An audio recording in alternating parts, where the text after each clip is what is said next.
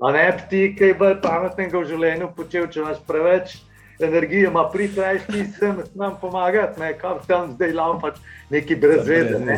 To ni zdravo, poglej, koliko srdeč v fatu. Ampak ja, potem je pa prišel tam nekje 33-34 km. Ne. Berlinski zid. ja, takrat je prišel pa berlinski zid. takrat sem se pa napolnil zaletel v ta berlinski zid. Ne. Ja, ker sem trma, sem si potem rekel, lej, če sem do tukaj prišel, pa če, če po tleh, po vseh štirih lezem, grem do cilja. Meni to pomeni samo, da se lahko še več pogledam, če tečem, kot če bi samo hodil. Oh. Za me je potem, ko tečem po nekem takem neznanem kraju, uh, to del, narekovajo, turističnega obiska, ker si s tem še razširjen to možnost koliko si lahko pogleda. Če... Verjetno vas bomo, zelo verjetno bo kar vse v redu z vami. Ne? In sem si mislil, da to me to lažje, kar je tako, da bom v parih mesecih škripnil, ne? zdaj pa to, da to lažbo povejo. Ne? Vse bi dal, vse bi naredil, da bi bil takoj tam mir. Ampak vem, da tega ne morem narediti. Ne, ne jaz, ne ti, nekdo drug. Vem pa, da lahko mogoče kakšen kamenček primaknem pomoči tem ljudem, ki pa zdaj so begunci.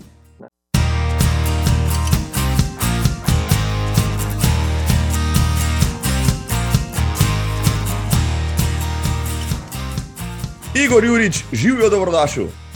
Ja, živijo, Marko, lep pozdrav, ne? sicer na daljavo tokrat. Ja, tako bi se moralo dobiti v živo, se bo v kratkem sva rekla. Uh, tole uh, jutro smo izkoristili, da posnamemo zanimiv pogovor za nalaž zjutraj, da te lahko vprašam provokativno vprašanje. Si danes že tekel? Ne, danes pa še nisem tekel. In običajno ob tako zgodnih jutranjih urah tudi ne tečem. Razen mogoče zdaj za vikend, v zadnjih mesecih, recimo, ali pa dobrem letu, pa še malo več, kar je žena tudi prišla v Bruselj in je ob meni, vsaj še nekaj časa. Uh, tako da včasih pa greva skupaj in ona je pa bolj jutranji človek uh, za tek. Ne. Jaz, recimo, uh, nisem zagovornik jutranjega teka. Na zadnje sem bil zagovornik jutranjega teka, ko sem bil še na faksu. No, od takrat je pa že minilo kar precej let, pa precej las je tudi že zapustilo mojo glavo. No, ampak vidiš, ne, slej, ko prej vsi pridemo k tistemu, kar smo počeli v mladosti, tudi jutranjemu teku, je Jur, Igor Jurič prišel, pa jutranji človek. Um, kaj pa veš, ne, mogoče boš ti tu kdaj vstajal v petih, zjutraj pa delal v dvajsetke, tako kot nekateri na stravi, kot spremljam. Ampak reci mi, evo, v Bruslu, kako je teč v Bruslu, recimo v primerjavi z Ljubljano, je manj megle, več, je več tekačev, ki te pozdravljajo ali pa kaj podobnega? Uh, cela kupica vprašanj, ne? pa če grem kar po vrsti. kar zadeva meglo, uh, Bruselj na srečo je uh, mesto, ki nima prav veliko megle. Ne? Je sicer tista sivina v zimskem času, recimo jesensko-zimskem času, tista sivina, tisti pokrov, ne? ampak to je rečva nizka oblačnost. To se recimo spomnim še, ko sem študiral geografijo in smo imeli tudi predmet meteorologija. Eh, tako da se neki teh strokovnih izrazov iz tistih časov še spomnim. Ne? Skratka, to ni prava megla, kot smo jo recimo vajeni, ja, kot se meni v Ljubljani, čeprav jaz ne živim v Ljubljani, ampak v Kamniku ne? in tam pa je bistveno manj problemov z meglo, zlasti v tistem predelu Kamnika, kjer živim jaz, ker smo običajno tik nad tem pokrovom megle, ki včasih leži nad mestom. Ne? Zdaj, glede tekačev in pozdravljanja. Tekačev je tukaj ogromno. Ne? Zlasti v času korone sem pa dobil občutek, da se praktično vsa Belgija pripravlja za olimpijske igre in to, da bojo vsi maratonci. Ne? Zdaj s pozdravljanjem je pa tako tako. Ne? Nekateri pozdravljajo, veselo se ti nasmehnejo, celo kako mlada ženska, recimo, ki mi priteče nasprot, se mi nasmehne, ne? pa se potem do konca teka sprašujem, zakaj se mi je nasmehnila, ali je mogoče se komu drugmu, ki je bil za mano, pa mlajši. Tako da uh, različno ne, je, pa predvsej je takih, ki resno trenirajo, ne, se pravi, so absolutno fokusirani na svoj tempo in tisto špuro, ki jo imajo ti dan za prelaufati. Potem imaš pa take uživače tudi vmes, ki pa tečejo v parih, v skupinicah, ne. tam pa niti ni nekega posebnega pozdravljanja, ker so pač zatopljeni v svojo družbo. Ne. Ampak, ja, dobiš pa tudi take, da se srečamo, recimo tukaj imam neko traso priljubljeno uh, skozi gost, uh, tak bolj klasičen slovenski gost, deluje kot pravi gost, je tudi zelo valovit, gori doli, ne, tudi kar precej višinske razlike. Ne, človek ne, ne bi mislil, uh, da je to v Bruslu mogoče, ker vsak, s katerim govorim, ne, se reče, ja, pa se Bruselj je sama ravnina. Ne, ravno obratno, ne, v Bruslu ni nič ravnega, razen, razen mogoče tukaj v dnevni sobi uh, parket. Vse ostalo je pa valovito. In tam tistih, na teh, teh trasah pa recimo dobiš tekače, ki se med sabo tudi pozdravljamo, ne vem, z nasmeškom, z dvigom roke ali kaj podobnega. Ja, se pravi, hočeš reči, nimajo sicer svetega primoža, imajo pa ne vrste rožnik, tako da si se počutil kar domače. Ja, ja nekaj daljšega, ja, tako. In nekje sem ujel, da si med korono, ravno zaradi korone, kar nekaj časa takrat vstal v Bruslu, tudi zato, ker uh, si zelo ekološki, pa nimaš avta. Ja, uh, to je zdaj tako. No. Avto imam, ampak ne bo več dolgo ob, ob meni, ker ga bo žena odpeljala, ko se bo vrnila v Slovenijo, ga bo žena odpeljala sabo. Uh, in ja, v glavnem, tudi zdaj, no, ko imam avto, če je lepo vreme, se po mestu premikam s kolesom ne, ne tečem ne, do službe. Ker, Če, ja. ker je pač nimam tuša, nimam kopalnice. Ne. Uh, pa do, do pisarne je 6 km, ne, pa zelo pošten hrib, 1200 metrov uh, dolžine, ne, uh, z naklonom tam nekje 10%. Tako da recimo bi se lepo za Švico, če bi tekel. Še ko grem s kolesom, recimo, ne, uh, se kar dobro zagrejem. Uh, ampak ja, v Bruslu je v bistvu tako, ne, da je kolo tako rekoč eno glavnih sredstev za premikanje ljudi. Tukaj ljudje kolesarijo non-stop. To, to je tako, kot poznamo no, to pravilo za tek. Ne. Ni slabega vremena za tekače, je samo slaba uprema. Tu, isto, tukaj velja ne, za kolesarje v Bruslu. Ne. Ni slabega vremena za kolesarjenje, lahko samo slaba uprema. In, no. No. Se mi zdi, da je glavno, mislim, tudi najlažje, eh, potem, če greš v center mesta, da se, naj, se najlažje premikaš z kolesom. Ne, eh, taka neka optimalna varianta se mi zdi dobra. Eh, je tudi javni promet tukaj dobro razvit, ne, imam metro v bližini, tramvaj. Tako da, recimo, če pa res slabo vreme, dež ali kaj podobnega, ne, takrat pa grem na metro ali pa s tramvajem ne, do službe. Okay, dal si cel kup enih dobrih zgledov, po katerih se, se lahko zgledujemo, tudi pri nas, v Ljubljani. Jaz se, uh, se v Ljubljano za zadnje čase malkrat vozim, tudi po zaslugi tega, ker uh, imam zoom, ne, pa, pa se mi ni treba po vsakem teku, ko iztuširati, hecam se, da še nisem tekel, tako da, da ne bo kakšna gledalka, pa še poslušalec zgrožen, uh, da, da totalni minimalizem, pa skeptizem tukaj um, promoviram. Ampak ja, no, v Ljubljani se mi zdi, da. Uh, se počasi ta promet umika iz centra mesta. Ne, Med korono in pa itak so vsi začeli v Sloveniji, ko si zapazil kolesar po hribe hoditi, moče malo manj laufati, no, kar je zanimivo. No, ampak dajmo reči, da se bo zdaj ta, ta trend spet vrnil. Še nekaj mi povej, no, zdaj eh, mi smo v nedelo z enim tekom praznovali. Tako, drugo obletnico, oziroma konec korone. No, mislili smo, da bo to ja. veseli čas, žal, ni no, zaradi uh, dogajanja na vzhodni fronti, zaradi Rusije in Ukrajine. Um, tudi vam se je pač uh, novinarskemu uh, uh, fohu tam gor, kar postavili to mal uh, na glavo, vse skupaj ste zelo peti, najbrž v to dogajanje. Ja, žal, no. lahko rečem samo to, ne žal. Uh, dejansko Ne, če smo prej dve leti bili skoncentrirani tako rekoč na korono, ne, uh mhm. -huh. je zdaj v bistvu to že praktično čez noč ne, pozabljena zgodba. Če, če malo karikiram, mhm. pretiravam. Uh, seveda uh, se uh, korona ni šla iz spomina, ne, se z njo še vedno ljudje soočamo, jo soočamo. Ampak, recimo, ne, če sem pomislim, uh, sicer zdaj le iz glave ne vem natančno teh številk, uh, ampak trend je tudi ta uh, v Belgiji podoben kot v Sloveniji. Ne. Število okuženih je kar v nekem porastu In ob takih številkah, kot jih imamo zdaj, ne, smo bili pred dvema letoma ali pa še celo pred enim letom, ne, v bistvu, še, že ko so se pojavila cepiva, ne, smo bili tako rekoč pod ključem, zaprti v mhm. stanovanja in ni bilo možnosti, da greš kamorkoli. Uh, zdaj, seveda, eno leto kasneje, ob teh zadevah, kot je cepljenje, ne, predvsem cepljenje, druga varianta omikrona, ne, eh, korone, se pravi omikron, se je očitno to vse zdaj povsod precej izlajšalo, ne, ta pristop veliko bolj sproščen. In seveda, ko je prišla vojna, ne, za novinarstvo pa itak velja žal, ne, da najboljša novica je slaba novica ne, in ta običajno pride na vrh časopisov, na prvo stran, na prve minute radijskih, televizijskih poročil. In seveda, to je zdaj čez noč, Ukrajina, ruski, nezakonit ruski napad na Ukrajino je čez noč zamenjal v bistvu vse in naše delo tudi tukaj v Bruslju. Ne. Seveda, ostajajo tudi ostale teme, ne se ni, da bi zdaj Evropska komisija, ne vem, Evropski parlament se ukvarjali samo z Ukrajino. Ne. Ampak seveda, poudarek, glavni poudarek pa je na tem, da se je poskrbeti treba a, odzive na to, kako kaznovati Rusijo za to, kar počne. Ne.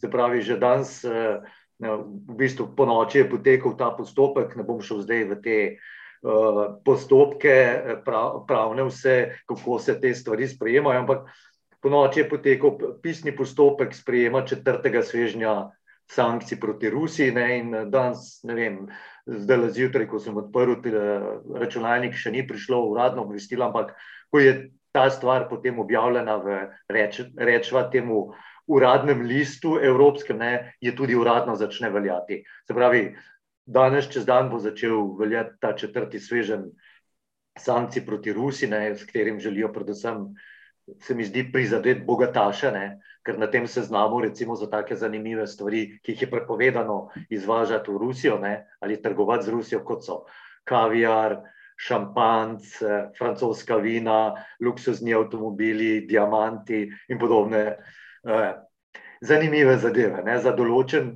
del sloj ruskega prebivalstva. Ne.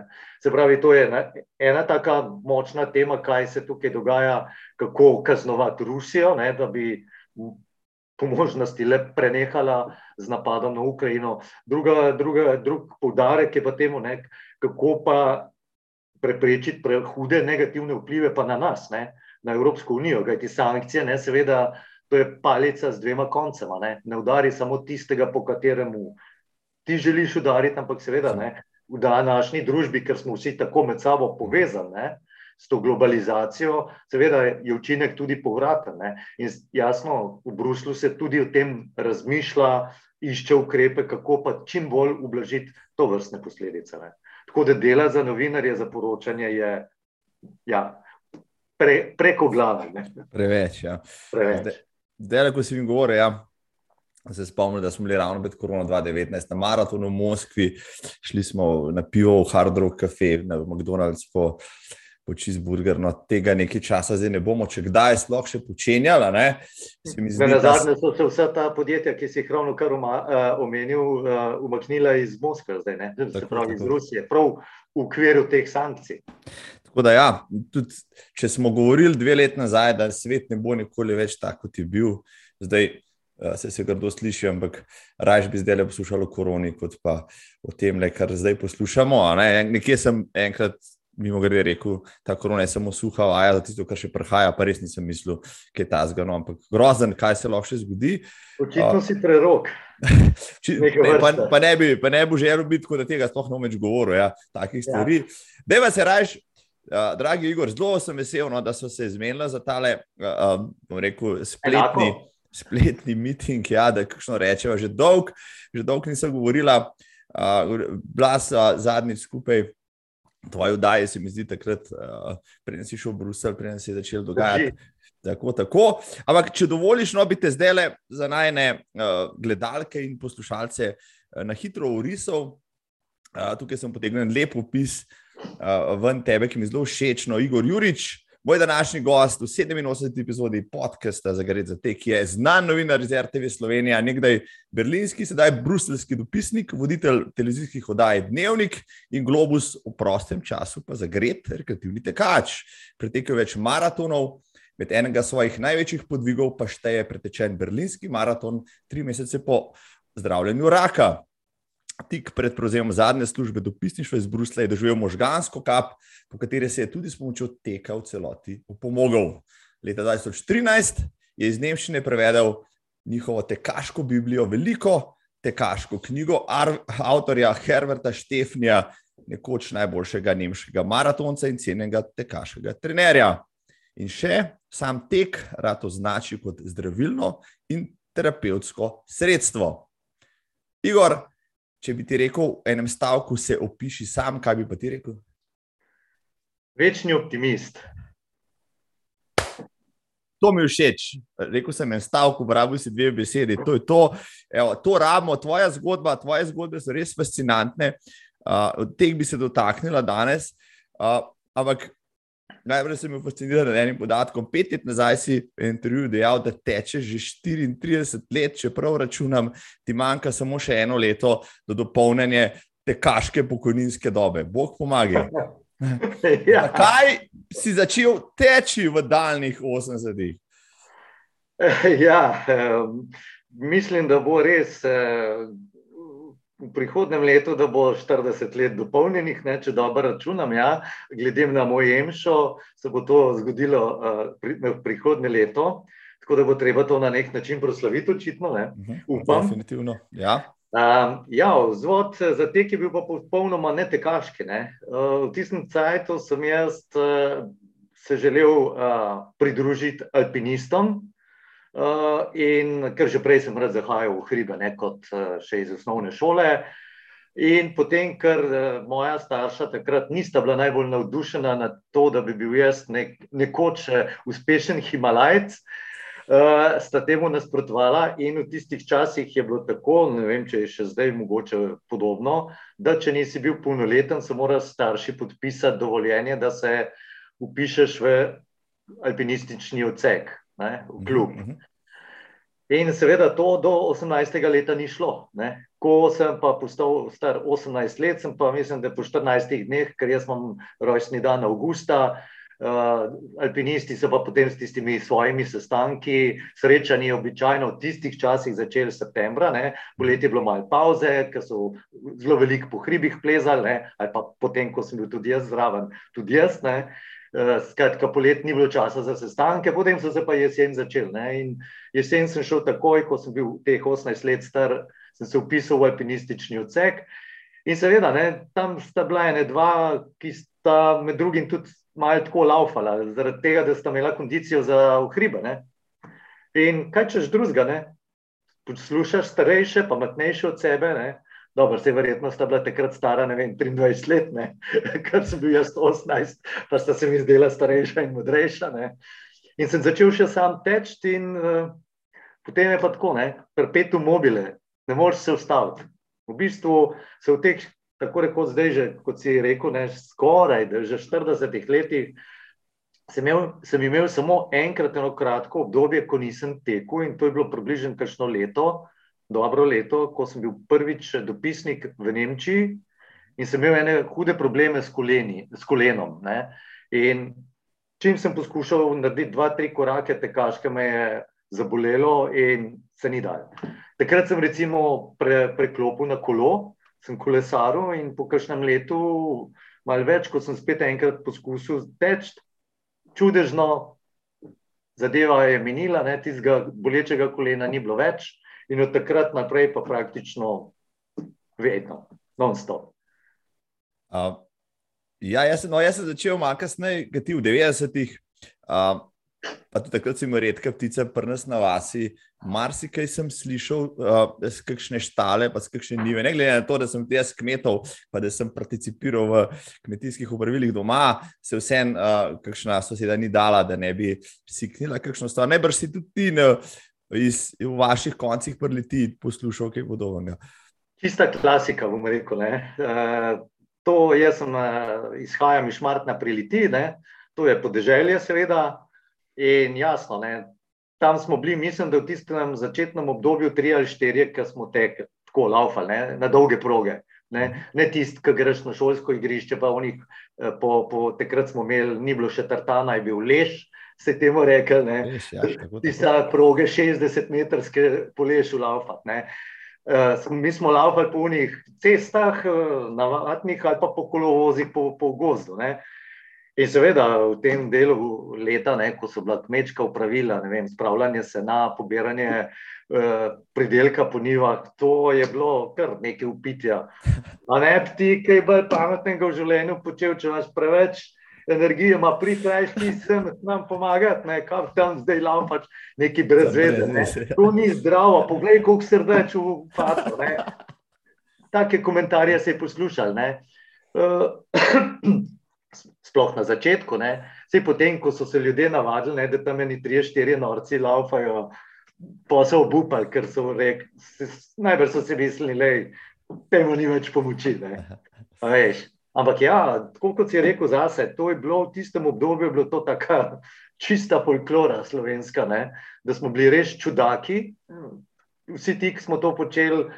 In uh, počeli smo pa iz raznih vzgibov, ne? ampak verjetno, ne? čeprav sem rekel, jaz sem začel zaradi alpinizma teči, ampak če ne bi bilo tega um, prvinske ljubezni do, do gibanja, predvsem pa teka ne? in, in tega, kar ti tek da, ne? saj meni osebno, ne, uh, bi verjetno nehal teči. Ne.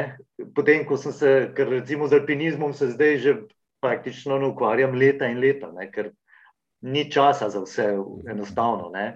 Uh, in če ne bi bilo te velikega zadovoljstva notranjega, ko greš teč, ne, meni recimo osebno tek, prej si rekel, ne, da, da sem že izjavil, pa seveda tej, pri tem stojim, ne, da je to terapevtske narave, tudi uh, tek lahko.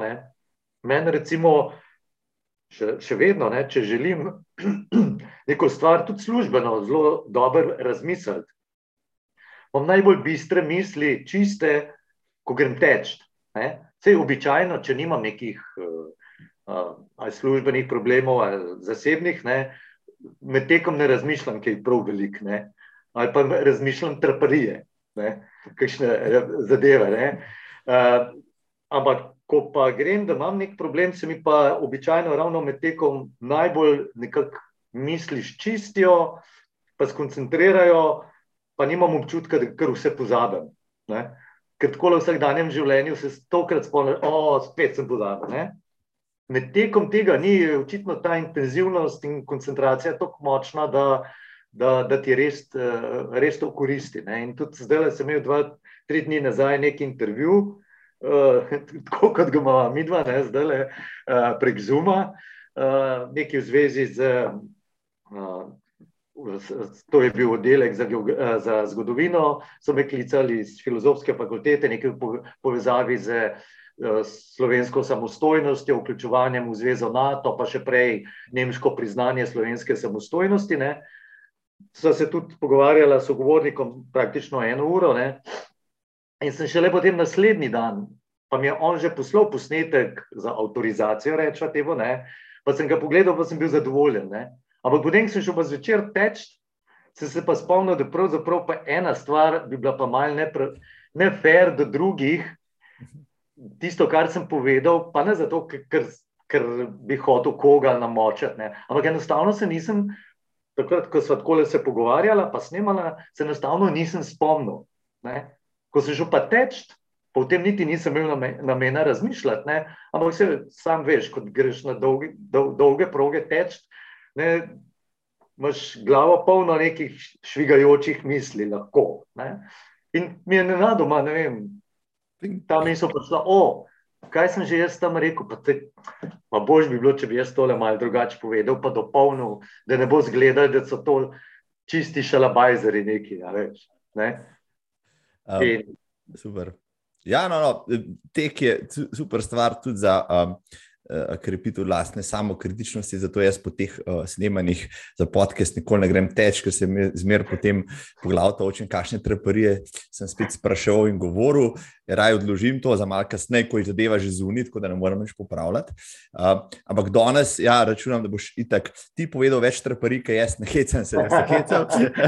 Jasno, zdaj mi je prišlo na misel, ko si prej rekel, ja, na vas se ni teklo, vem, jaz sem dobil zadoščenje.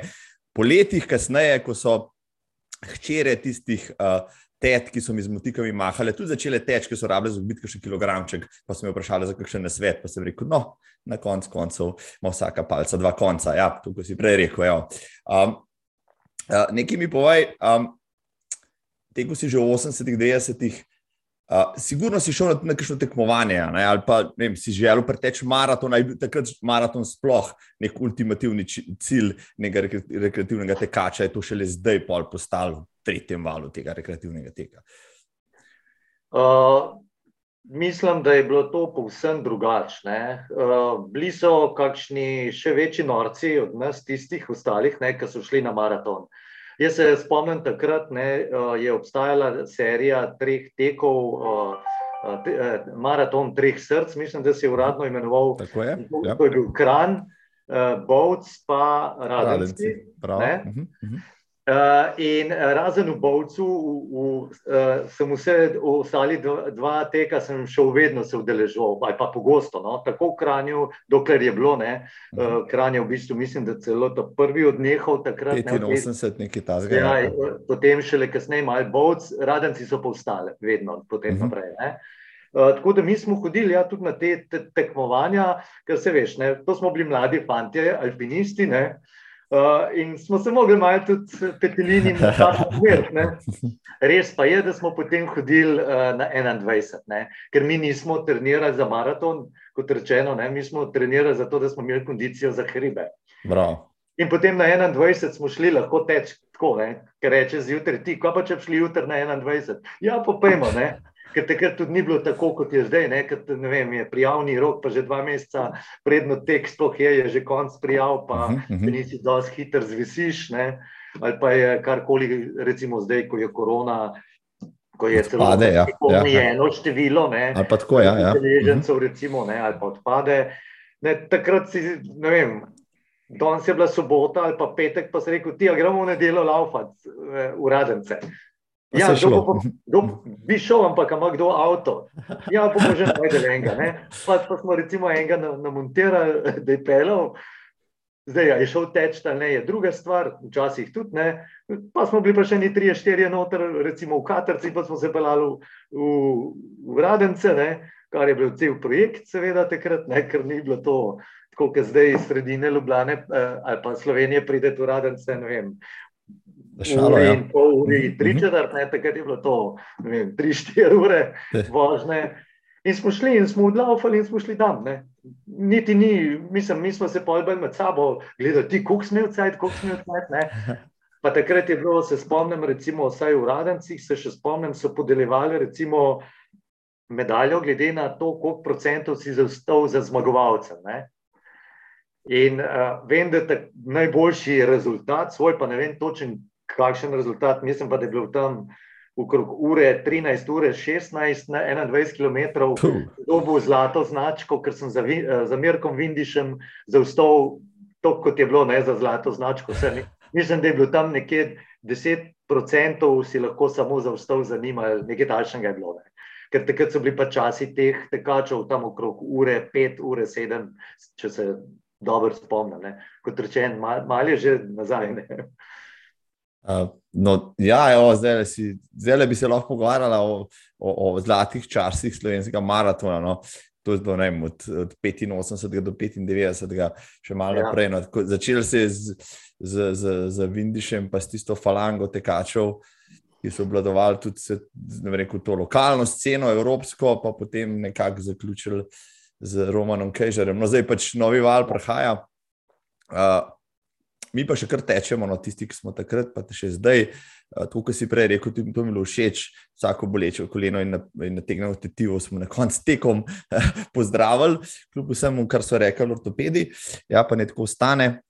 Pozdravljamo vse ortopede, ki so me kdajkoli imeli v rokah in se jim zahvaljujem za obravnavo, jasno, pa ne mi preklicati kakšnega uh, prekletstva ne, na moja kolena. Uh, No, zdaj, v teh 40 letih, ja, si skoraj 40, si pretekel najbrž veliko kilometrov.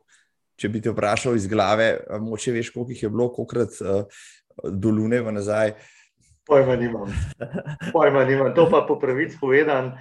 Še celo zdaj, ne, ko recimo, kaj vem, zadnjih uh, 15 let, recimo, ko si beležem res dnevnik, pedantno, ne, ker včasih si ga spoh nisem beležil niti podrazno. Ne, uh, Uh, niti nisem imel zmerjenih razdalj, ne, se nismo imeli ur, ki bi merili razdaljo. Si pač doma pogledal uh, v kuhinji na uro in pa pogledal na uro, ki je nazaj prišel. Ne. To vidiš, to smo delali, ja, bravo. Ker druge ure ni bilo. Tako, tako. Sploh pa ne te kaške. Tako da niti ne vem, recimo, ko sem tekel takrat ne v Šmartnem po tistih domačih gozdovih in cestah, pojma nimam, sploh kakšne so bile razdalje. Ne. Zdaj pa, recimo, kot teh zadnjih cirka 15 let beležim to pedantno, sem pa vedno prelen, da bi pa si vedno rekel, ne, da to bom naredil. Ampak potem sem prelen, da bi konc leta vzel zvezek v roke, pa se štev vse tiste kilometre. Ne. Ampak, ne vem, če, če tako čez prste pogledam, pa če rečem, da je recimo pretečen 30 do 40 km na teden, ne, pa potem pomnožiš to krat. Tedni, ja. 50, je to 2 ure. Ja, okay. Tedno ne, je to ne vem. 2000, 2500 km na leto, ne, pa, pa pomnoži krat 40 let, ne, pa smo tam, ne dvakrat okrog Zemlje. Recimo. No, ja, 100 tisoč km, pa 40 let, ja, to se pa še, to, to pa treba proslaviti, tako da let, leto 23 bo dobro leto za tek Igorja Juriča, ki pa je tekel na zelo nenavadnih lokacijah, najbrž po svetu, kaj je najbolj eksotična lokacija, kjer si pač eh, brusil svoje tekaške podplate. Po mojem, najbolj uh, eksotična lokacija je Mazari Šarif uh, v Afganistanu. In sicer v, v, v tem uh, oporišču, takratnem še, seveda, NATO-vih enot, ne, ker sem bil službeno takrat uh, teden dni v Afganistanu, uh, To je bilo, mislim, da je leta 2007, če se dobro mhm. spomnim. In uh, seveda, tekel sem, ker je bilo pač treba teči, in uh, znotraj oporišča, vse so vojaki tudi ne, zjutraj imeli svoje mhm. kroge nabijali in smo, kot hrčki na kolesu, smo potem tam znotraj oporišča uh, delali tiste svoje kroge. Uh, to je gotovo ena bolj takih eksotičnih lokacij. Uh, pa potem verjetno tudi. Uh, Žal tega zdaj ni več, ne? uničeno zaradi vojne, ali pa v Siriji. To je pa, ko smo šli še z dvema fantoma, kolegoma, prijateljoma, uh, smo se tudi dobrih deset let nazaj, predtem je bila Sirija uničena, uh, smo se odpravili z avtom po sledovih prve križarske vojne, uh, odprave ne, do mhm. Jeruzalema. Mhm. In smo sicer nismo potem v določenem delu, recimo Alepo, smo malo v Sirijo smo malo zavili v stran, rahlo, tudi kakšno stvar. Ne, ne. Ampak generalno vzeto smo sledili tej trasi prvega križarskega pohoda. In pač tudi tam sem tekel. Ne. In v Alepu vem, da sem tekel in sem se skoraj zgubil, ker pač ne, arabsko ne znam, napisi so bili, kakršni so bili. Ne. Mhm. In je to malo tako. Ampak ja, da se ne. A, si bil pa najbrž večji egzot s tekom tam, kot pa v 80-ih domačih nivah. Absolutno, tam, tam pa res nihče ni tekel. Mislim, eh, v bazi, v Mazari Šarifu, ja, ampak v Alepu, pa v Siriji, pa res ne. Uh, no. Recimo, govoril sem pred pol leta z Boščanom, vidim, kako je bil na teh vojnih območjih veliko, pa sem ga vprašal, kako lahko tam osmisli svoj tek, ne, pa kako tek kot tak lahko umesti v okolje, ker se ljudje borijo za življenje, pa za existenco. Uh, te bom vprašal drugače, no, ko vidiš te, ta svet, ki, ki uh, je daleč od našega razvitega sveta, ker si lahko tek za zabavo privoščimo, ne, recimo tretjina, polovica sveta. moraš pa teči za preživetje, še marsikje. Uh, in ti si videl, marsikaj na ta območja uh, uživo. Kako si pa ti svoj tek umeščal, pa sam sebe v to okolje? Oziroma, kako si človeku, če te vprašal, zakaj hudiča, ne? pa ti tečeš, če ti ni treba. Ne? Mi imamo tle druge probleme in nam ne mislijo, da bi tekel, pa tudi če bi ne imeli teh problemov, ne bi. Kako si pa ti, recimo, razložil, najprej sam sebi, recimo, potem še komu drugemu? Ja, zdaj, po pravici povedano, ne, zdaj, da bi komu drugemu razlagal, te, tega niti ni bilo. Ne, kot rečeno, v Mazari Šarifu sem v vojaški bazi tekel, tam so bili pač nemški vojaki, ne, se pravi Evropa v malem sredi Afganistana. Uh, zdaj Sirija pa niti ni takrat nihče ustavil, ne, ker pač jaz sem tekel. Ne, vse, ljudje te gledajo čuden, ampak seveda te noben ne ustavlja. Uh, ker se veš, ne, norcem se je treba izogibati. da, da, lepo si to povedal. ja, tako da te potrebe ni bilo, da bi komu kaj razlagal. Zdaj, da pa samo smislim. Ne, v bistvu se prav zelo takrat teh stvari niti nisem sprašoval. Ne, uh, to, kako jaz si lahko to prvoščem, oni ne. Ker takrat niti o tem zelo ne razmišljaš. Ne? Ti hočeš šiti samo teč zjutraj, tisto, kar si navajen. Meni je vedno tek uh, v takih krajih pomeni tudi v bistvu, da lahko si kot turist, še vedno sem turist, ne? čeprav, kot sem rekel, jaz sem geograf, pa vedno to tudi skozi oči geografa opazujem. Ne? Meni to pomeni samo, da se lahko še več pogledam, če tečem, kot če bi samo hodil. Ne? Za me je potem, ko tečem po nekem takem neznanem kraju, eh, to del, ne rekvajo, turističnega obiska, ker si s tem še razširjen to možnost, koliko si lahko pogledam. Ne? Če bi samo hodil, se sprehajal po mestnih ulicah ali pa kjerkoli izven mesta, bi videl bistveno manj, kot če tečem. Ne? Uh, tako da, da, da jaz sem takrat bolj skoncentriran na to, ne, kaj vidim, kot na to, kaj si oni drugi o meni mislijo. Ne? Ker tudi, recimo, ko sem bil v Bejrutu, na maratonu v Bejrutu, ne, uh, ko teče skozi mesto, skozi te različne četrti, imaš četrti, kjer te ljudje zelo spodbujajo, ploskajo v tem evropskem stilu, ne, vzdušje, bobni, uh, ansambli in podobno. Ne.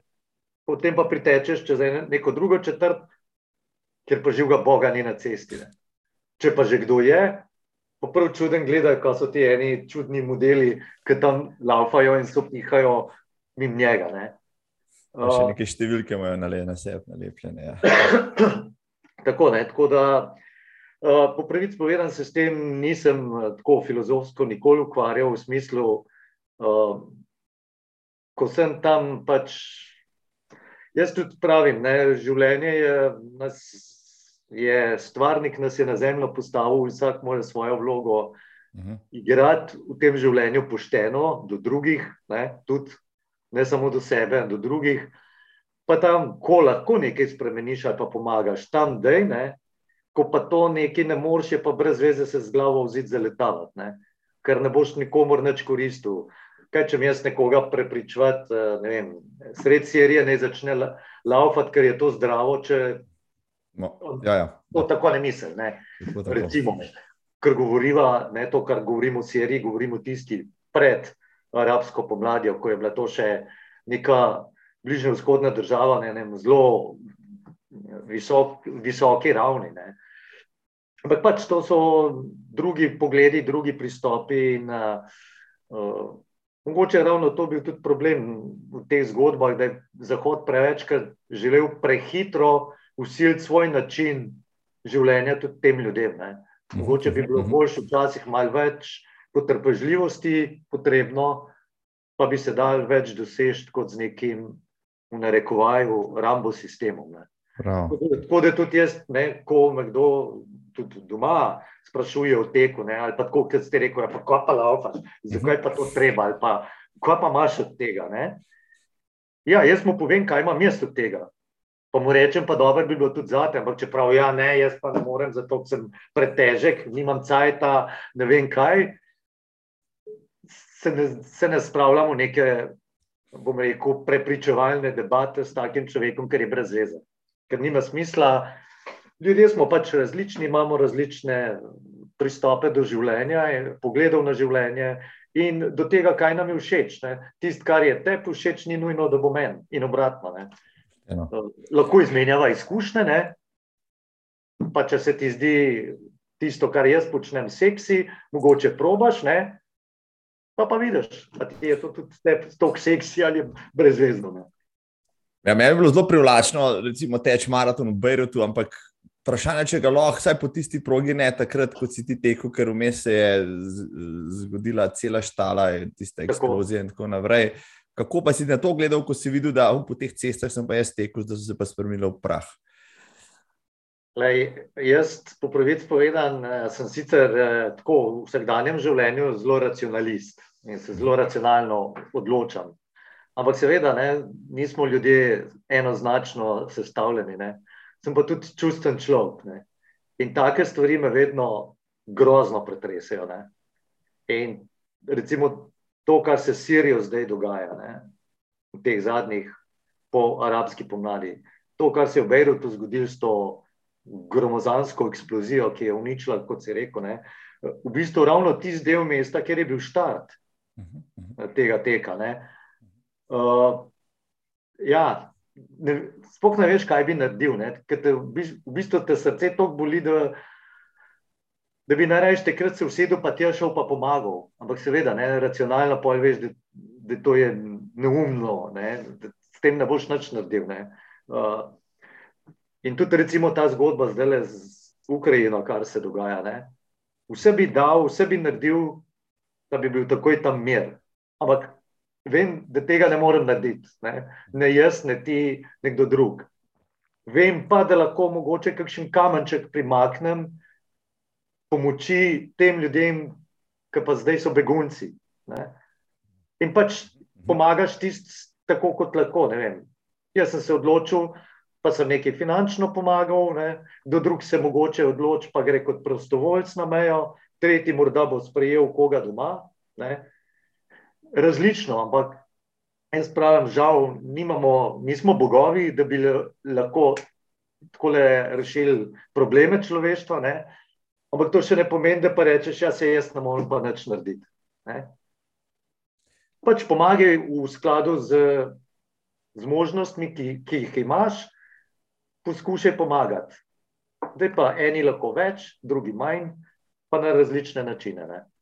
In kot rečeno, ne, ta Bejrut, ne, ko si ga omenil, seveda, ta mi leži na, na srcu. Ne, in, in si tudi pravim, da morda ne, bi pa kdaj bila le še možnost tja iti.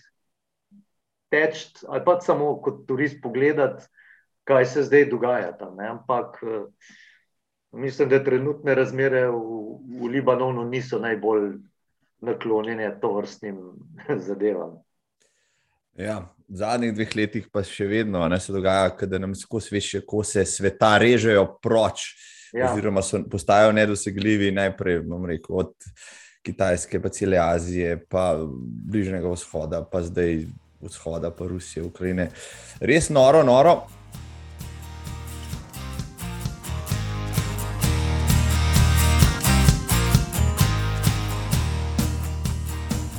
Uh, kaj se dogaja. No, težko je zavestiti. No, jaz med tekom veliko premišljujem o tem, rad tudi sam tečem, da si glavo čistim.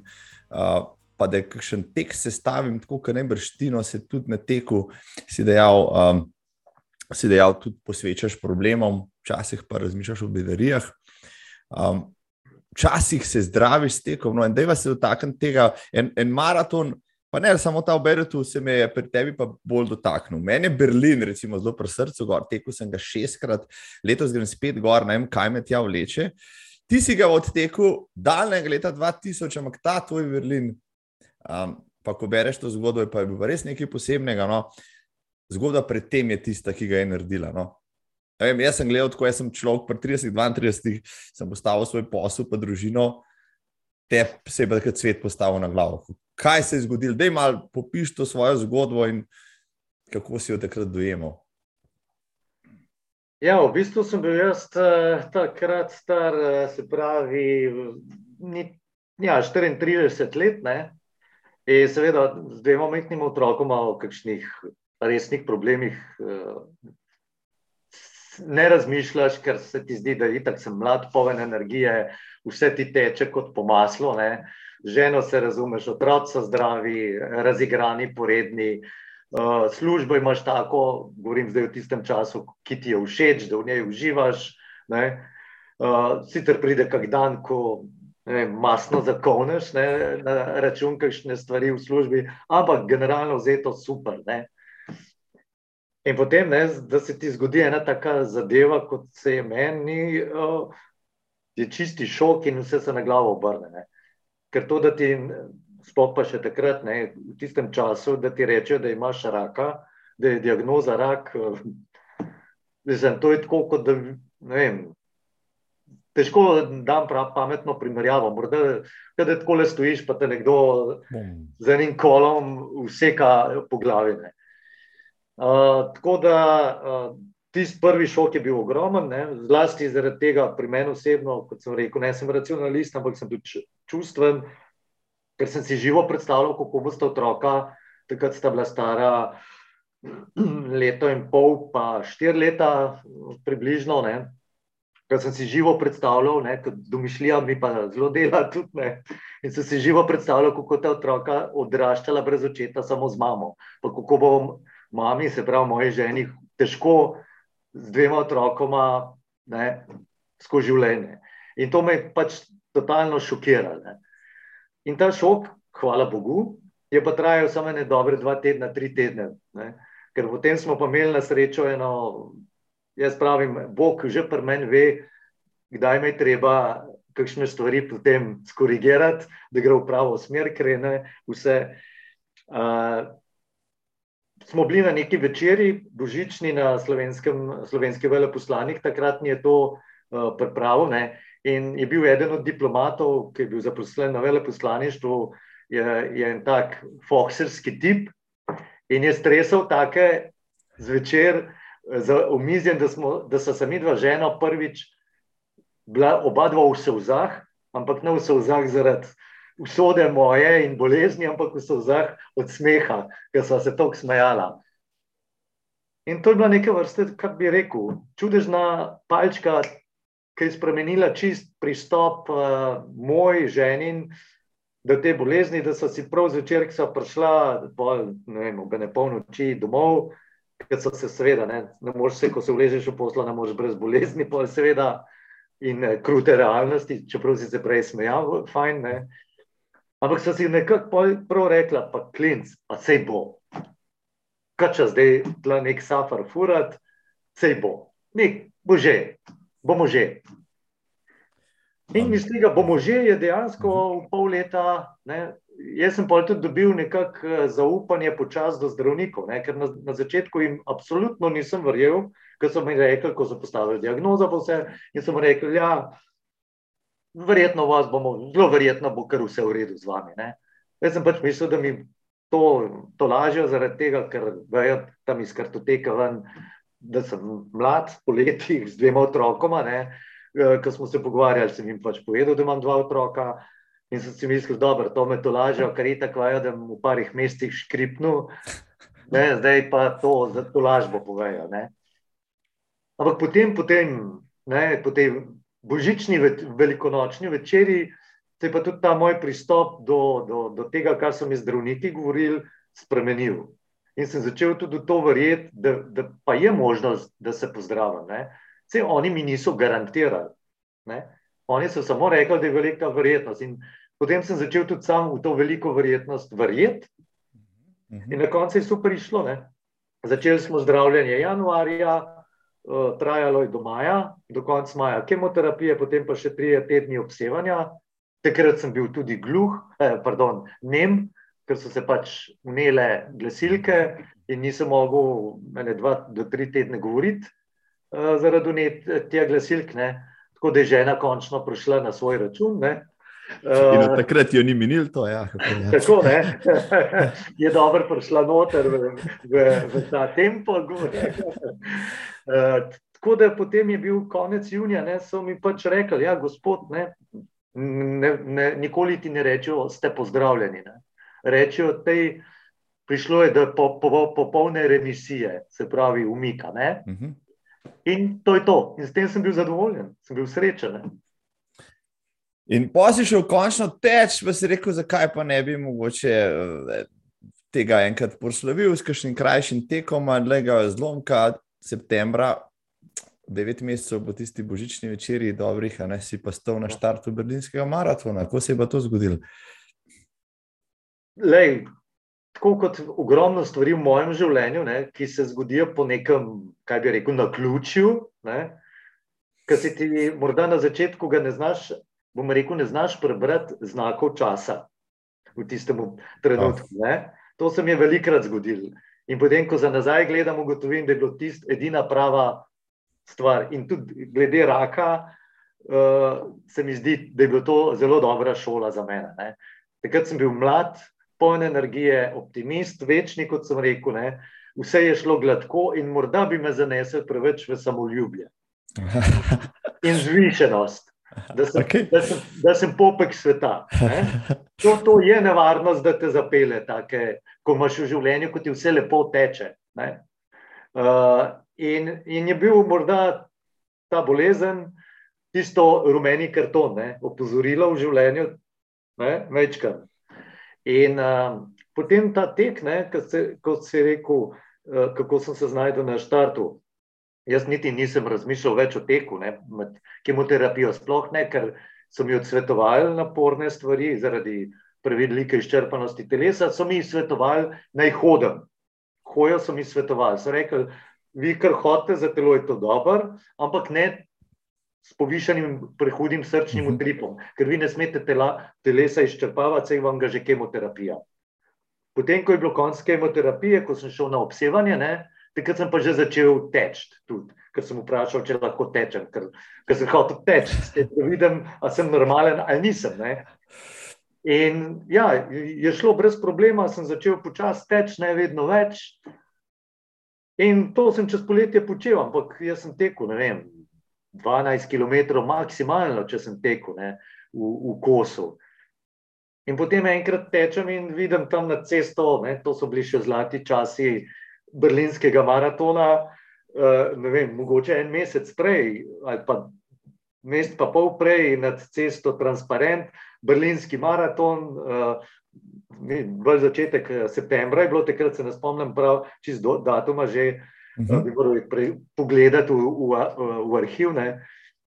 In sem si rekel, pa, mogoče pa grem, da vidim, kako to zgleda, malo še Berlin pogledam, ker je trasa tako zanimiva, pa še tam v enih predeljih Berlina še nisem bil. Mogoče pa to čist fajn, pa, pa tistih 10-15 km prelaupam, pa, pa, pa grem pa pač stran, pa na metro, pa dan. Ne. In potem sem začel teči in, in sem tekel in sem tekel. In je bilo 21 km, in je bilo 28 km, in sem se super počutil. In sem rekel, pa, pa gremo, dokamor gremo. Ne? Ampak ja, potem je pa prišel tam nekje 33-34 km. Ne? Berlinski zid. ja, takrat je prišel pa berlinski zid. takrat sem se pa na polno zaletel v ta berlinski zid. Ne? In zadnjih 8 km je bila pa sama muka, ne? fizična muka. Ampak ker sem tudi trmast, ne? kar mi zlasti moja žena večkrat rada pove. no, ker sem trmast, sem si potem rekel, lej, če sem do tukaj prišel, pa če, če po tleh, po vseh štirih lezem, grem do cilja. In sem imel tudi srečo, da takrat je bilo, ne vem, če je to zdaj še, so bile razne te um, masažne šole, pa, pa privatniki, ki so ob progi in so nudili, čisto organizirano, seveda, tudi masažo, ne vem, na vsak kilometr ali dva bili. Ne. Tako da sem jaz tekel ali pa hodil malo hitreje, še ne 2 km, od 34 naprej, ne. pa sem šel tja za ne 15 minut, sem masiral, pa sem spet naslednje dva tako oddelal. Ne. In sem prišel na konc na 42 km maratona, kar sploh nisem načrtoval, ne želel si takrat. Ne. In to se mi je zdelo pa. Lej, ne vem, to je težko, to človek piše. Kdo tega ne, ne doživi, v bistvu nikoli več tega nisem doživel, uh, tega takšnega na nek način euforičnega vzdušja, ne? predvsem pa tega sa, zadovoljstva samim sabom in neke umirjenosti vse, pomirjenosti. Ne? Ker potem, sem, ko sem naslednjič šel na te maratone, sem vedno na uro tekel, na čas, da mi izboljšal svoj čas. Ne?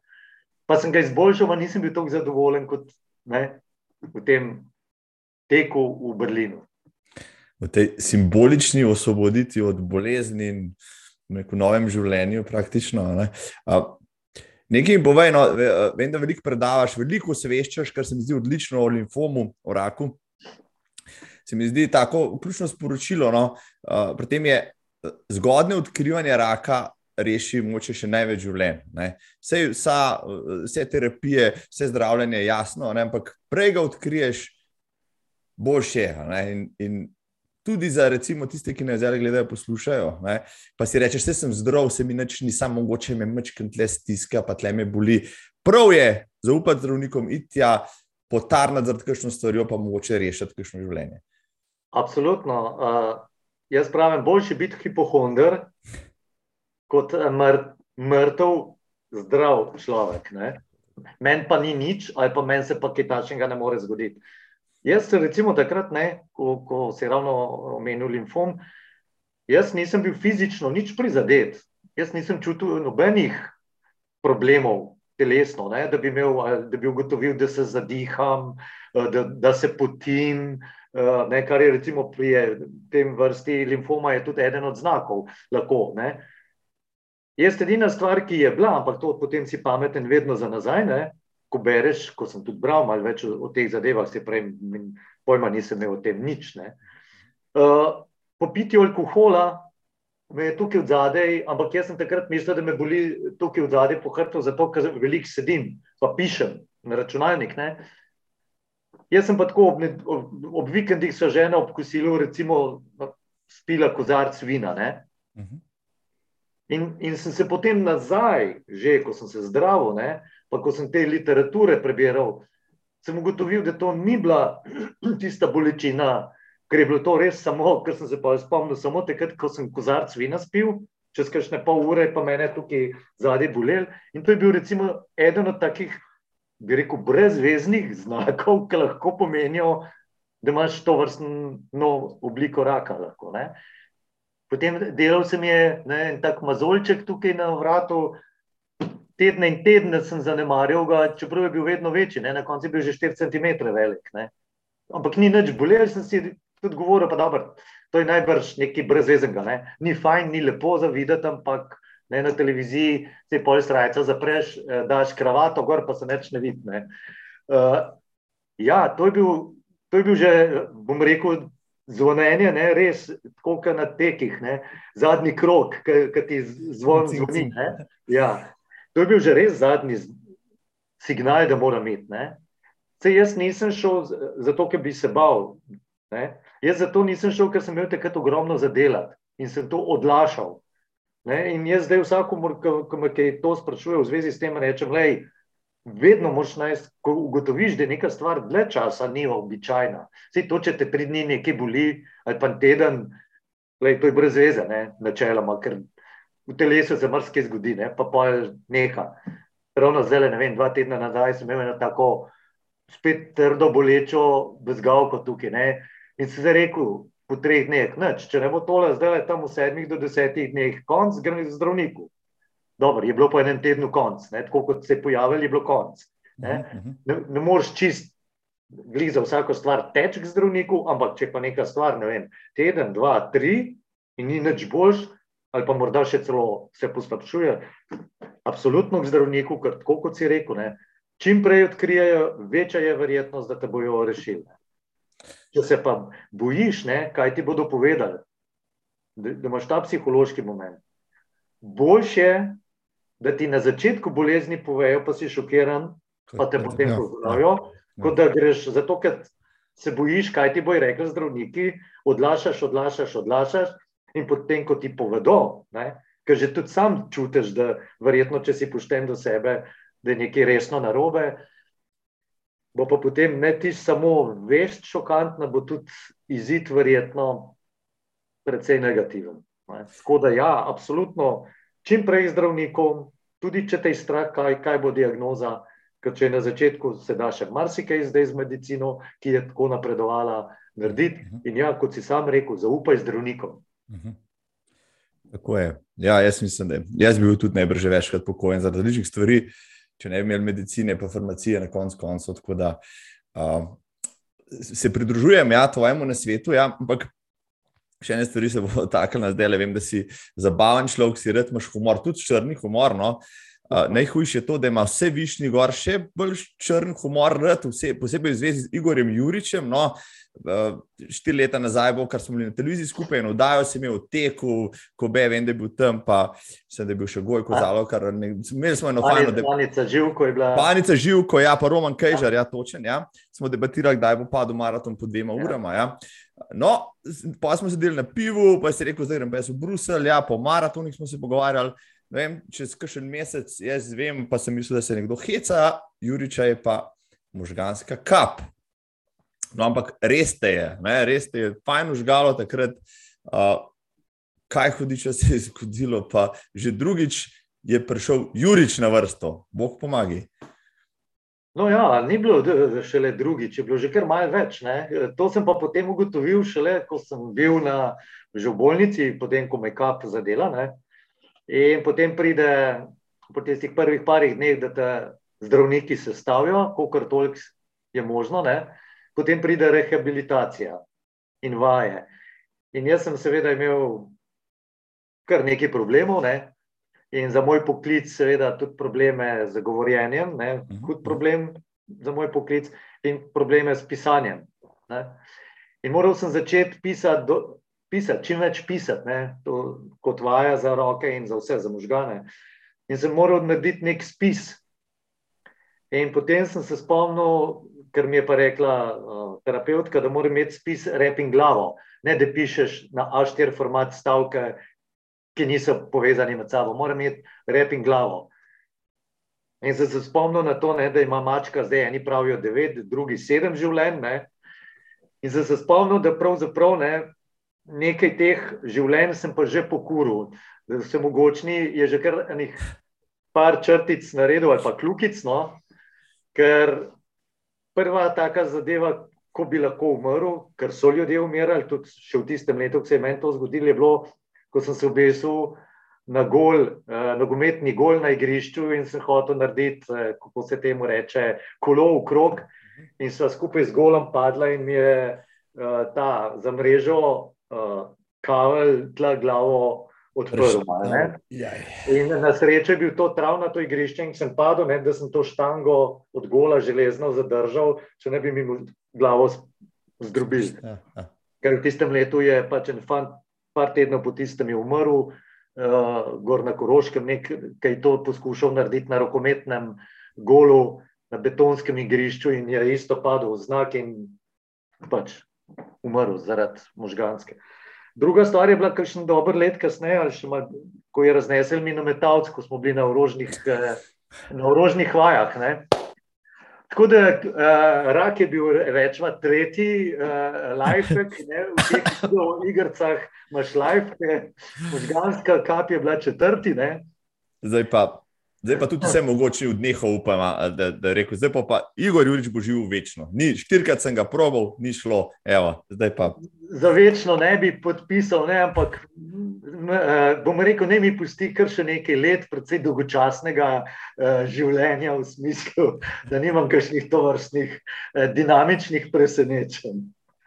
Ampak po, po, takrat nismo vedeli, kaj se dogaja. Sem govoril pod znanci, ki so te poznali, uh, kaj je z Juričem, a se bo rehabilitiral vrhunsko, si se vrnil nazaj uh, kot intelektualni delavec, kot novinar, si, si, si energičen, si, si, si uh, rekel, elokventen, artikuliran. Nihče ne bi rekel, da ti je bilo kaj, ali si imel srečo, več sreče pri tej bolezni, da te ni tako udarila, ali je bila rehabilitacija res tako, tudi tako dobra. Potem. No, jaz mislim, da v prvi vrsti je to prvo. Ne? Se pravi, imel sem srečo, se pravi, vse mogočni si odločil, da mi bo dal še ne vem koliko dolgočasnih let življenja, upam. Uh, kaj ti, če te kap zadane močneje, ne, večja površina možganov, če prizadete, seveda tudi izgled za to, da se sestaviš nazaj, bistveno slabši. Ne. In žal na oddelku, takrat, ko sem bil v bolnici na nevrološki kliniki, ne, po oddelku v sosednjih sobah so bili fantje, dekleta, žene, možene, absolutno z hujšimi poškodbami kot jaz. Ne. Druga stvar je pa seveda potem rehabilitacija. Ne. Prvič, uh, moraš biti sam, tako kot so prej rekla, ne, zdravnikom moraš zaupati. Tudi terapeutom moraš zaupati, da tisto, kar ti rečejo, da ni idiotizem. Ne. Kot ti, tebi, ne, kot se rekel, sem intelektualec, ne, vajen intelektualnega dela. Predstavljaj si, ko greš na terapevtska vaja ne, v sklopu rehabilitacije in ti prinesijo te male žebličke, ki jih otroci postavljajo noter v lukence. Ne. In ti reče, da te gospod, tlale imate te žebličke, pa 20 minut imate časa, da tega kuška sestavite, ki je tam le na sliki tako narejen. In si ti misliš, kreteni, idiotski. Pa to mi jaz naredil v treh minutah ni bilo v 20 minutah dovolj časa. Ne? In potem, seveda, ti pokažejo, kako moš to delati, z vsakim prstom posebej. Ne? In ti to misliš, tako le, jaz, intelektualec, smo pa to že, ne, ne gre. Ne? In potem te to, te to šokira, ne? ampak potem je edin pametno, da ugotoviš, da delaj tako, kot ti rečejo. Ker napredek pa potem je. Če jim zaupaš, In če, in če delaš točno tako, kot ti rečejo, ker ne, ker ne delajo tega, ker tako brez veze neki na pamet. Ne. In imel sem pač srečo, to so mi pa povedali, ne, prvič manjša poškodba možganov in drugič intelektualno delo. Da ljudje, ki so veliko delajo intelektualno, ne, so njihovi možgani, nekako po domače povedano, navajeni hitreje izpostavljati druge povezave, če pride do nekih motenj na tistih ustaljenih povezavah. Ne. E, tam so mi dali dober primer, da je to tako kot reka. Ne.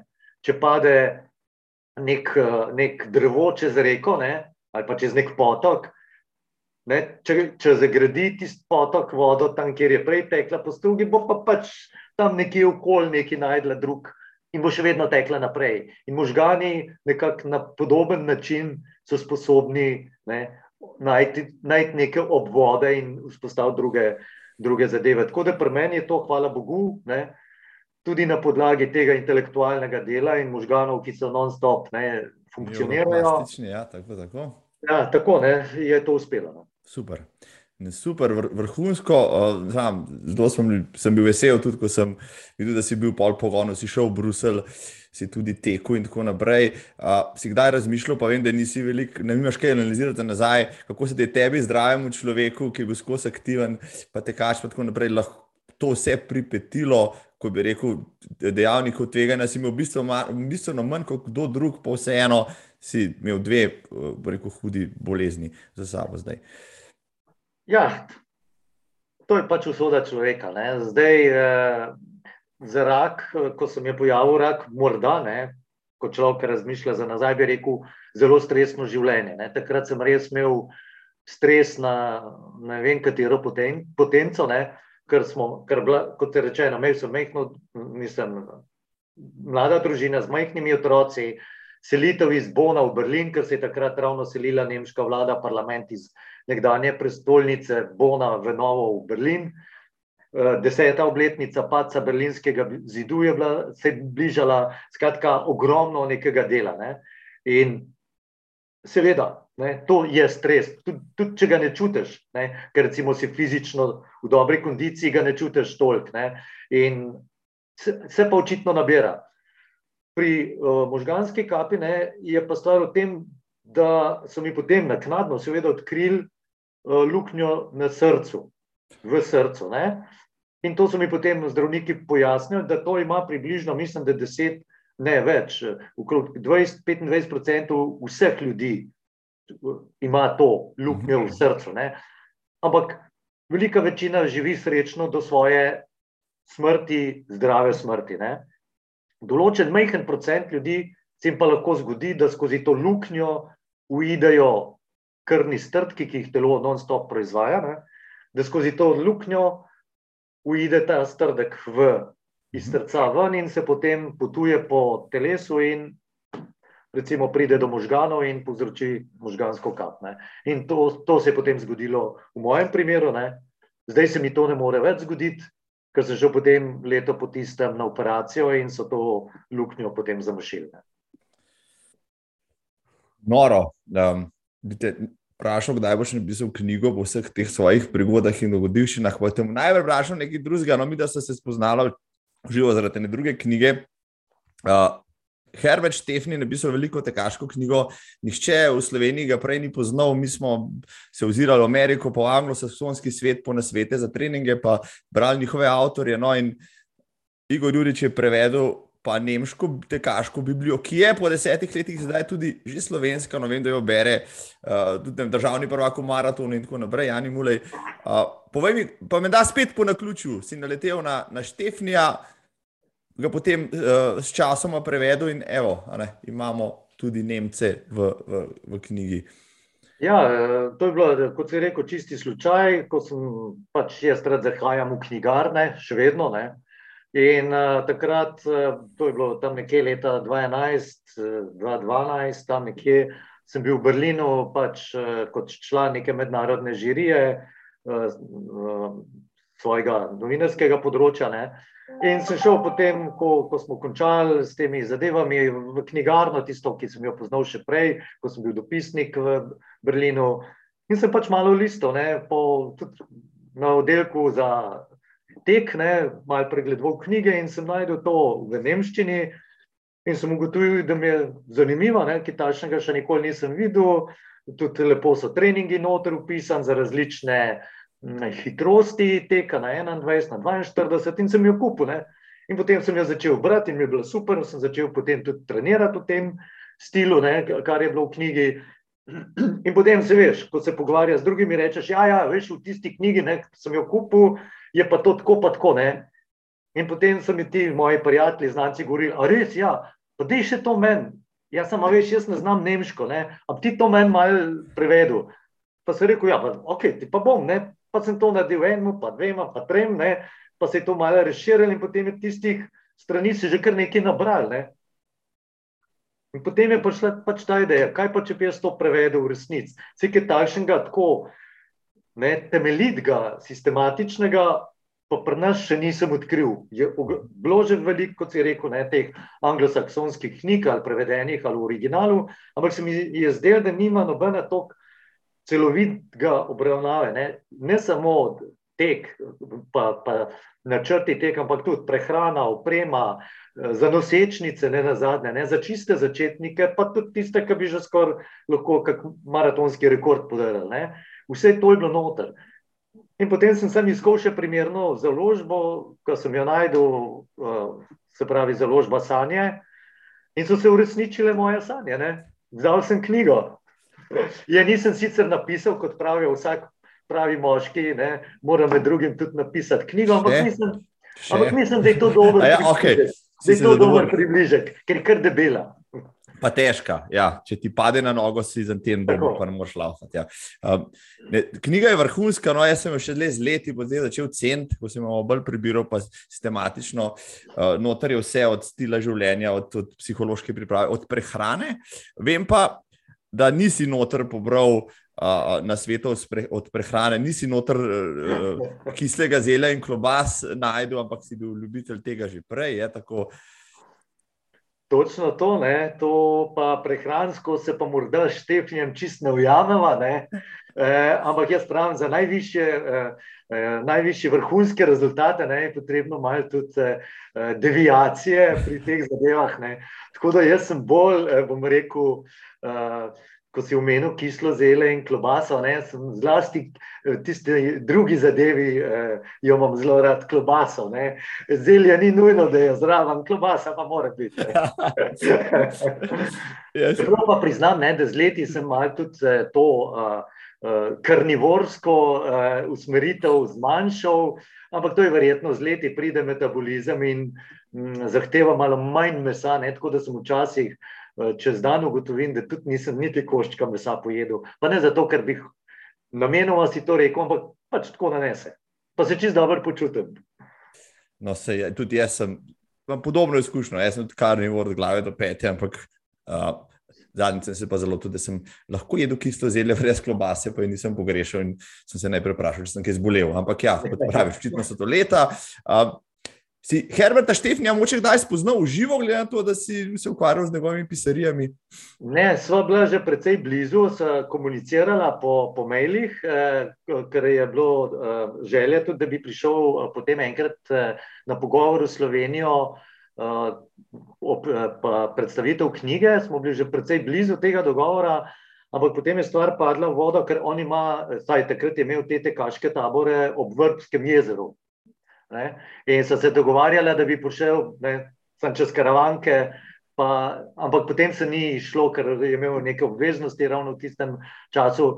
Potem je pa seveda ta stvar izvenela, ne? nekako in se od takrat niso več eh, srečala je bil pa izredno presenečen in izredno zadovoljen, da je knjiga njegova išla v slovenščini, tudi tega nikakor ni pričakoval. Uh, in v slovenščini slovenščina je bila prvi jezik, v, katerem je njegova knjiga išla tudi v trdi vezavi. Ne? Niti v nemščini ni šla v trdi vezavi. Uh, je pa rekel, da ravno takrat jo prevajajo tudi v kitajščino. Se pravi, da smo slovenci, ne, tako kot pri pravi Bibliji, uh, smo slovenci tudi tukaj prehiteli Kitajce v prevodu. Mislim, dobro, mislim, če pa to ni nekaj, kar. Ja. Podpišem se po tisto, kar si rekel. Ne rabiš napisati svoje knjige, čeprav vem, da jo boš, že, že ta dosežek je vreden, vsaj dveh, no, če ne še kaj več. No. Uh, glede na to, ja, noter so odlični plani tudi za trening maraton, meni so zelo všeč. Uh, si jih kdaj prelistaš, pa si pogledaš, ok, moče bom še kakšen maraton prelahal, imaš še kakšne maratonske ambicije najbrž. Uh, Uh, ja, imam. Uh, trenutno ne gledam nobenih planov, uh, ker nimam nobenih časovnih uh, želja. Uh, tudi to, kar računam, da bom šel na istrski maraton v aprilu, ne, uh, nimam nobene časovne, časovnega cilja. Moj cilj je samo iti na istrski maraton in uživati, ker se mi zdi eden najlepših maratonov, ker gre ob morju. Ne. In ne rabim nobenega tekaškega plana ne, uh, za trening, ker bo šlo, to bo, to, teko bom za dušo, s srcem in za dušo. Ne. To je ena stvar, zdaj za maraton, pa želja, seveda, je ta pravi maraton. Ne. In sicer sta dva ne, v igri, in sicer eden je Bruselj, uh mhm. -huh. drugi je Pariz, ki je dosti blizu. Ne. Samo za tam nimam nobenih časovnih želja, tudi v tem primeru, ne samo za maraton, pa je le potrebno mečken več priprave. Ne. Uh, in uh, zaenkrat si še nisem znal dobro zastaviti, kako bi tem, pri tej svoji službi uh, najdel toliko časa, da bi se primerno pripravil uh, za nek pravi maraton, da bi ga pretekel brez nekih problemov, zlasti krčov. Recimo. Ampak želja pa je. Ja, eh, kolega je bil pred leti, 10-15 let nazaj, v Bruslu na maratonu, zelo je pohvalil, da je dokaj hiter. No, in kot sem rekel, mogoče pa še gremo enkrat gor to pogledati, no, zdaj imam dodaten razlog, če ne gremo v Istro, da srečam pa močem jaz v Bruselj, na mestu v Slovenijo, ne hecam se, se bo prej dobila obvezno, se morava. Upam, da prej vablem po Bruselj. Če bom, če, če pa, no, zdaj imam, se pravi, Bruselj malo više na lestvici, pravkar si rekel, ja, te obvezno obiščem, da mi boš povedal, kje so unete kaške uh, trase, ker se dekelci obračajo za ta, pa pozdravljajo. Ja, ja. Slovenije, skozi sem, hecam se, ja, to, se hecam. To, to so pa male tajne velikih majstrov. je rekel, to je pa, kaj govori, ne skrivajo, skrivajo svoja, svoja govorska. Točno to. ja, Igor, vem, da te preganja. Uh, Čas, da imaš zdaj službo naprej, čez par minut. Uh, povej mi, uh, še vsem, uh, za konec, če bi imel neomejeno časa, pa denarja, kater maraton, pa maratone bi pa šel teč za užitek, pa za, za, za gušt. Gotov bi ponovil Berlin, tudi Beirut, absolutno. Zanimiv se mi zdi tudi iz tvojih eh, opisov in pripovedovanj Istanbul, ker je, ker je pač na dveh celinah. Potem pa verjetno tudi uh, New York. Ne? New York je lepo mesto in bi si, ga, bi si ga bilo fajn ogledati tudi kot tekač, ne? ker kot, kot pešec sem že bil parkrat tam in mi je bil všeč. Uh, verjetno Boston, uh, pa morda še kakšen, kakšna druga celina, ne? morda Cape Town. Uh, Tokio bi bil verjetno tudi lahko zelo tak, zanimiv kraj. Skratka, zdaj mislim, da sem prišel bolj v tisto fazo, ne, da bi seveda tek, preteč, ampak to je tisti tekaški turizem, ne, da zraven imaš še kaj od tega, da ne greš samo teč in gledaš na uro, ampak si še ogledaš tudi mesto med tekom. In eh, pa recimo si vzameš čas tudi po maratonu, še morda dan, dva v tistem mestu, da si ga ogledaš kot turist. Skratka, koristno z užitki. Ne.